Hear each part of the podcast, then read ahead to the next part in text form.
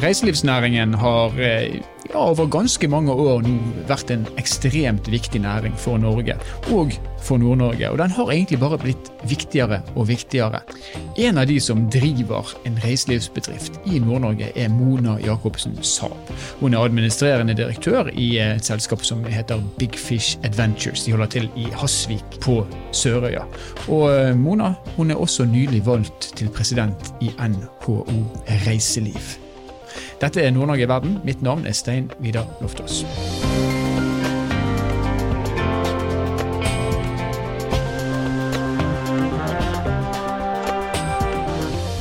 Mona Jacobsen Saab, 54 år gammel, oppvokst på Hasvik i Sørøya i Vest-Finnmark.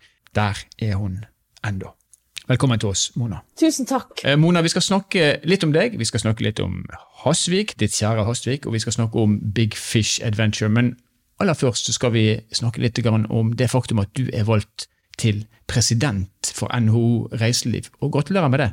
Tusen hjertelig takk. Tusen takk. Spennende tider. Ja, det vil jeg tro at du syns. Men hva er oppgaven til en president i NHO Reiseliv? Oi, det er det, I utgangspunktet så er det jo et styrelederverv. Altså du er styreleder for, eh, for NHO eh, Reiseliv. Og i tillegg til det, så hvis du kan tenke at det er en sånn litt utvida posisjon, så er det jo på en måte å være sammen med de, som, eh, de medarbeiderne som vi har i organisasjonen og, de, og tillitsvalgtapparatet, så er det jo å være talerør for reiselivsnæringa i Norge, som er tilknyttet NHO Reiseliv. da. Og Du er den første kvinnelige presidenten, og jeg vet ikke om det har vært nordlendinger der før, men du er jo i aller høyeste grad også en nordlending. Hva kommer til å være ditt fokus i den rollen? Da jeg takka ja til å stille til valg, da, eller stille meg til disposisjon for den posisjonen da, hvis jeg var ønska, så var jo situasjonen ganske annen. Vi var jo en næring som var i full fart oppover og opp og fram, og økning i gjestedøgn og økning i det meste. Og så kom jo da denne covid-19-krisa eh, ganske så ja, overraskende på oss alle sammen, tror jeg. Og den har jo snudd opp ned på det meste. Vi har mye tøffere fremtidsutsikter nå enn, enn eh, vi har hatt kanskje noen gang de siste eller som næring kanskje noen gang. Og det er klart at da er, er, det viktig å være med og sørge for at NHO tar posisjon på å være en, en sparringspartner og en, i, i, sammen med politikerne og sammen med arbeidstakerne sine organisasjoner og få fram de gode løsningene. Sånn at vi kommer oss gjennom krisa, og at vi ikke minst er i stand til å håndtere framtida. Mm. Eh, for eh, det er en alvorlig situasjon vi er i, og det, er mange elementer i det her som gjør at det, at det er vanskelig. Mm. Og Vi som er på en måte litt sånn uh, ny til reiselivsnæringen, vi har jo trodd at reiselivsnæringen praktisk talt oppsto i Nord-Norge etter Joanna Lumley og Nordlyse i 2000, var det 2008 eller der omkring. Men du har også holdt på med dette her i 20 år, og foreldrene dine enda lenger. Var dere forut for deres, deres tid? Eh, nei, det, det, tror jeg ikke egentlig. Fordi du kan si den her havfiskebiten som vi driver med, da. Den har jo egentlig røtter forholdsvis langt tilbake. Men kommunen ble dratt inn i en eh, krise eh, da det konsernet som eide alle fiskefabrikkene her uh, i kommunen, gikk konkurs. Og det var i februar 2002. Mm. Og da i utgangspunktet levde jo vi av yrkesreisende og den aktiviteten som fiskeriene genererte rundt oss. Uh, og vi ble på en måte tvunget til å tenke nytt. Og da uh, tenkte vi fisk, og da tenkte vi havfisketurisme, som da var en mulighet fordi det hadde vært arrangert en fiskefestival her gjennom allerede ti år den gang da, som viste at uh, Sørøya var det stedet du fikk mest og størst fisk. Mm. Og det var liksom utgangspunktet for det vi begynte å jobbe med. Så eh, fra en eh, liten destinasjon eh, med 1000 gjestedøgn, så har vi i løpet av de her årene vokst til å bli en destinasjon som i 2019 hadde ca. 60 000 gjestedøgn. Så det er klart at det, er en, eh, det har vært en lang reise hit, men definitivt vi, det har vært mange, mange andre destinasjoner som også har nytt godt av den veksten som har vært i reiselivet. 60 000 gjestedøgn, det må jo bety et betydelig antall mennesker. Eh, og dette her er altså i lille Hasvik, på riktignok store Sørøya i geografisk forstand, men med et veldig lite befolkningsantall. Det må jo være mange ganger så mange gjester som faste innbyggere. Hvem er disse menneskene, og hvor kommer de fra? De kommer fra hele verden, ja. så det er ganske internasjonalt å bo på Sørøya. Hva som gjør at de kommer til eh, Hasvik? Det, det, er jo ikke spesielt lett å reise til Hasvik. Det er ikke spesielt vanskelig heller. Fordi du setter på et fly til, du på et fly til Oslo, og så setter du deg videre på et fly til Tromsø. Og så går eh, vårt kjære Widerøe-fly fra Tromsø direkte til Hasvik. Det tar ca. en halv time. Så det er ikke vanskelig i det hele tatt. Men det er langt, det er vi enige om for mange? Ja, det er ganske langt. Men altså, det, grunnen til at folk kommer hit, det er jo fordi vi har verdens beste muligheter for arktisk fiske. Det fins mm. ikke noe annet sted i verden som kan eh, vise fram så mange verdensrekorder på arktiske eh, fiskearter som det vi kan her ute på Sørøya. Og det er det som trekker. Og de folkene som kommer hit, de har en lidenskap for sportsfiske som er så sterk at de reiser om så hvor langt og gjør det meste for å få lov til å komme og på en måte ta Eller nyte godt av de mulighetene vi har her. Under midnattssolen. Hvor stor fisk får de? Hva fisk er det de får, og hvor stor er de? Bare for oss som ikke er så bevandra.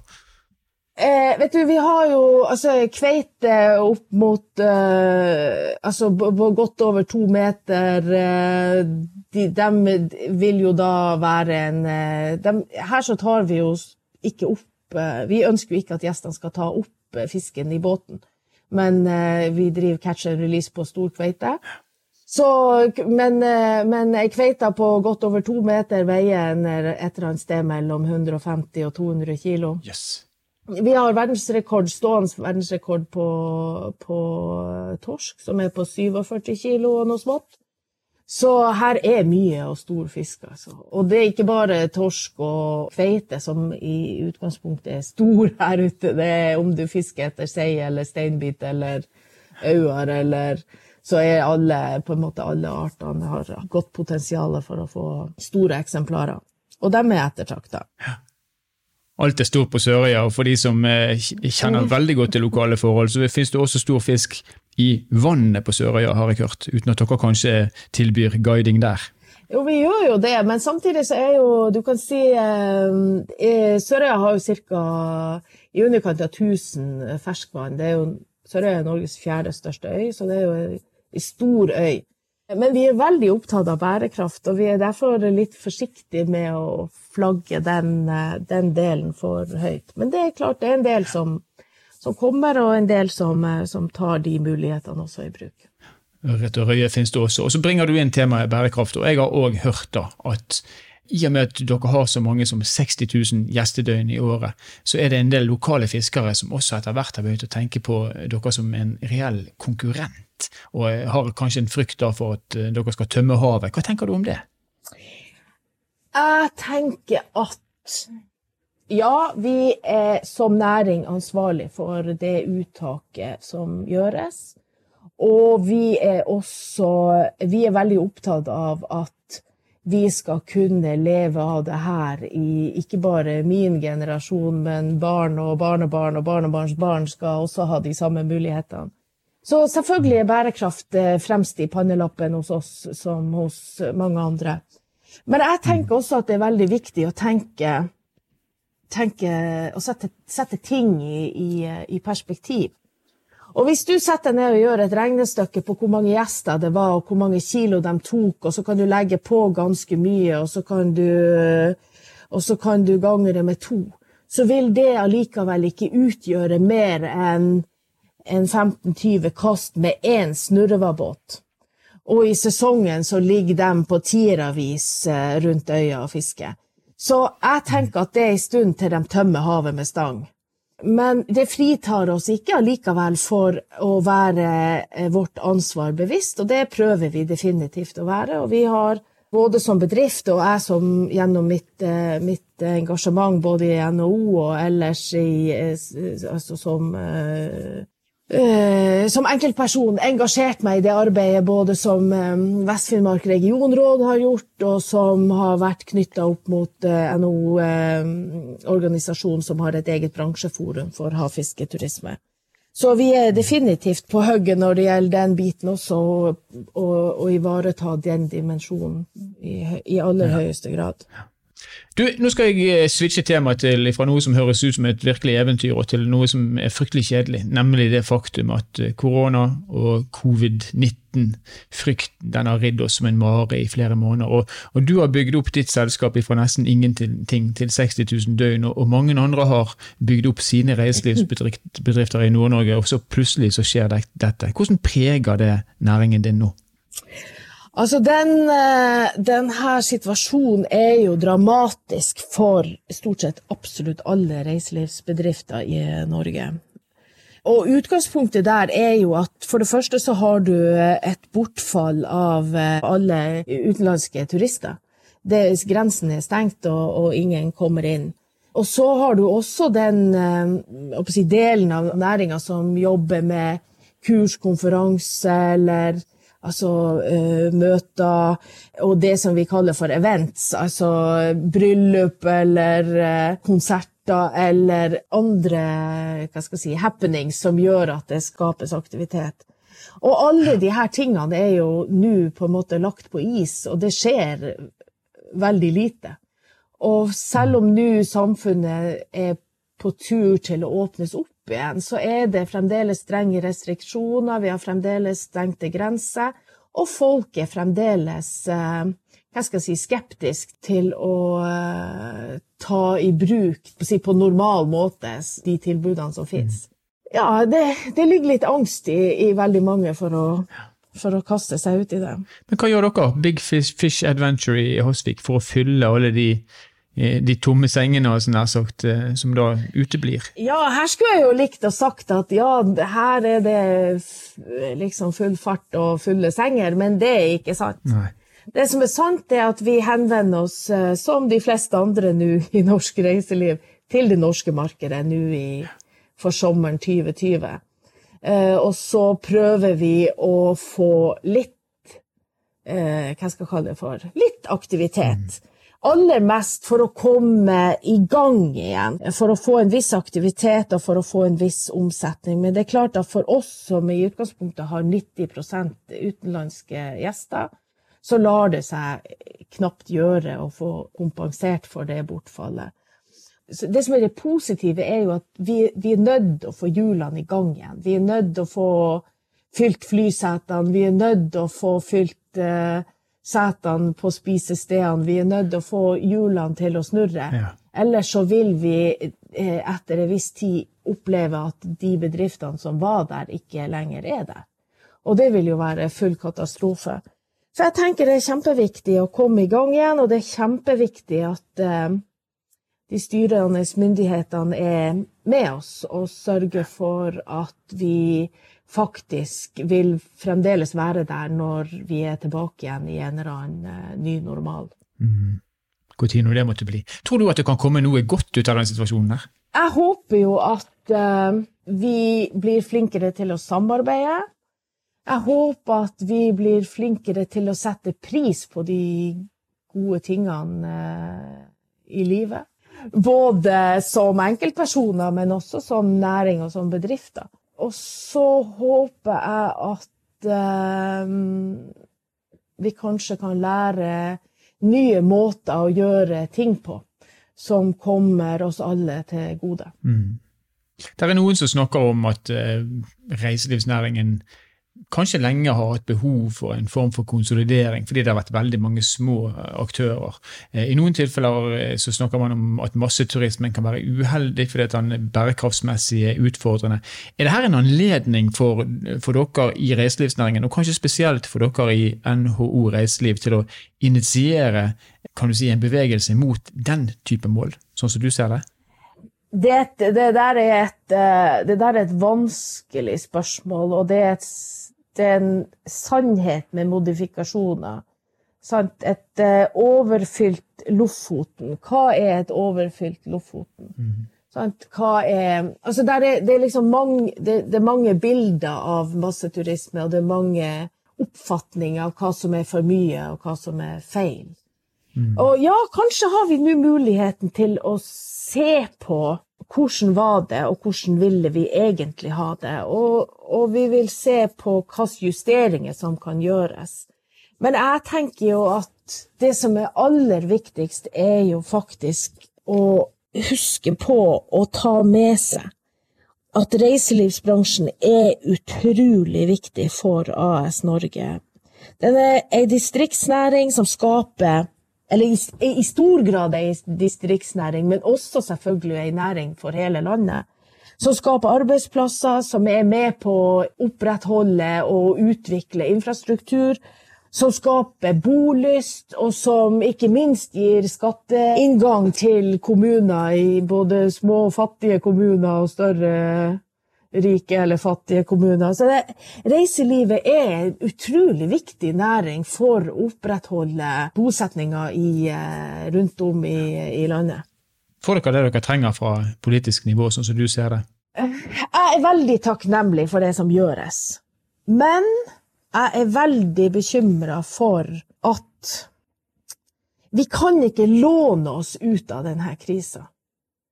Det jeg er redd for, er at den aller vanskeligste, eller det aller vanskeligste i denne krisen, er at den vil gå ut over soliditeten til bedriftene. Jeg er kjempetakknemlig fordi at det finnes en kontantstøtte å, som, som til en viss grad dekker opp deler av de faste kostnadene målt opp mot eh, omsetningssvikten du har hatt. ikke sant? Men de øvrige tiltakene er i stor grad knytta til likviditet, og det hjelper ikke for soliditeten. Nei. Fordi når omsetninga di blir borte, så vil du sitte med tap, og de tapene de går utover egenkapital. Og, eh, Reiselivet har jo vært i, i kraftig vekst. Det som har kommet inn i bedriftene, har stort sett vært spadd tilbake igjen til videre utvikling og, og til drift, sånn at de fleste bedriftene har ikke vært robust nok, eller er robust nok til å, å på en måte ta det her på strak arm. Så jeg tenker jo at, eh, at det blir den største utfordringa på lang sikt. Eh, nemlig hvor solid er bedriftene nå til å en, komme seg gjennom krisen, men også til å tilpasse seg og videreutvikle seg i den nye normalen. Ja. Så takk for lånene, men dere hadde egentlig hatt mer bruk for eh, kontantstøtte? rett og slett, Det er det jeg hører du sier? Ja, jeg tenker at kanskje har vi bruk for begge deler, men jeg tenker at må, det, det, er viktig å ta den dimensjonen med seg, fordi det har vært lite fokus på akkurat den delen, og den, den er utrolig viktig. Ja. Du, helt til slutt, tror du at vi kommer til å gå tilbake til normalen, sånn som det var før korona? Eller ser du for deg at uh, dette her kommer til å skape permanente endringer for din næring? Jeg tror jo at uh, vi kommer til å komme tilbake igjen til en ny normal. Jeg tror at i den nye normalen så vil det være en del endring i reisemønster. Jeg tror det vil være en del endring i måtene ting blir gjort på. Og jeg tror også at vi vil bruke tid som bransje, som land og som verden. Altså, Dette har jo konsekvenser for uh, ikke bare bedriftsøkonomien, men makroøkonomien i, i, verdensperspektiv. Så det er klart at det vil ta tid før vi økonomisk er tilbake igjen der vi var, og det vil jo da få konsekvenser for all, all type næring. Men samtidig så tenker jeg at vi er ei næring som er proppa full av folk med masse kompetanse, med masse energi, med masse arbeidslyst og med et vanvittig høyt ønske om at vi skal komme opp og stå igjen. Så jeg har trua, og jeg har virkelig både mot uh, til å stå på og forventninger om at vi skal heise flaggene og rope halleluja et stykke fram i tid. Ja, det var akkurat det vi trengte å høre. og Vi kan jo også legge til at produktet, det nordnorske reiselivsproduktet er jo selvfølgelig genuint veldig, veldig bra. Tusen takk for at du eh, kunne være med oss, Mona Jacobsen Saab, president i NHO Reiseliv og administrerende direktør i Big Fish Adventure. Tusen takk for meg, og hjertelig velkommen til Nord-Norge.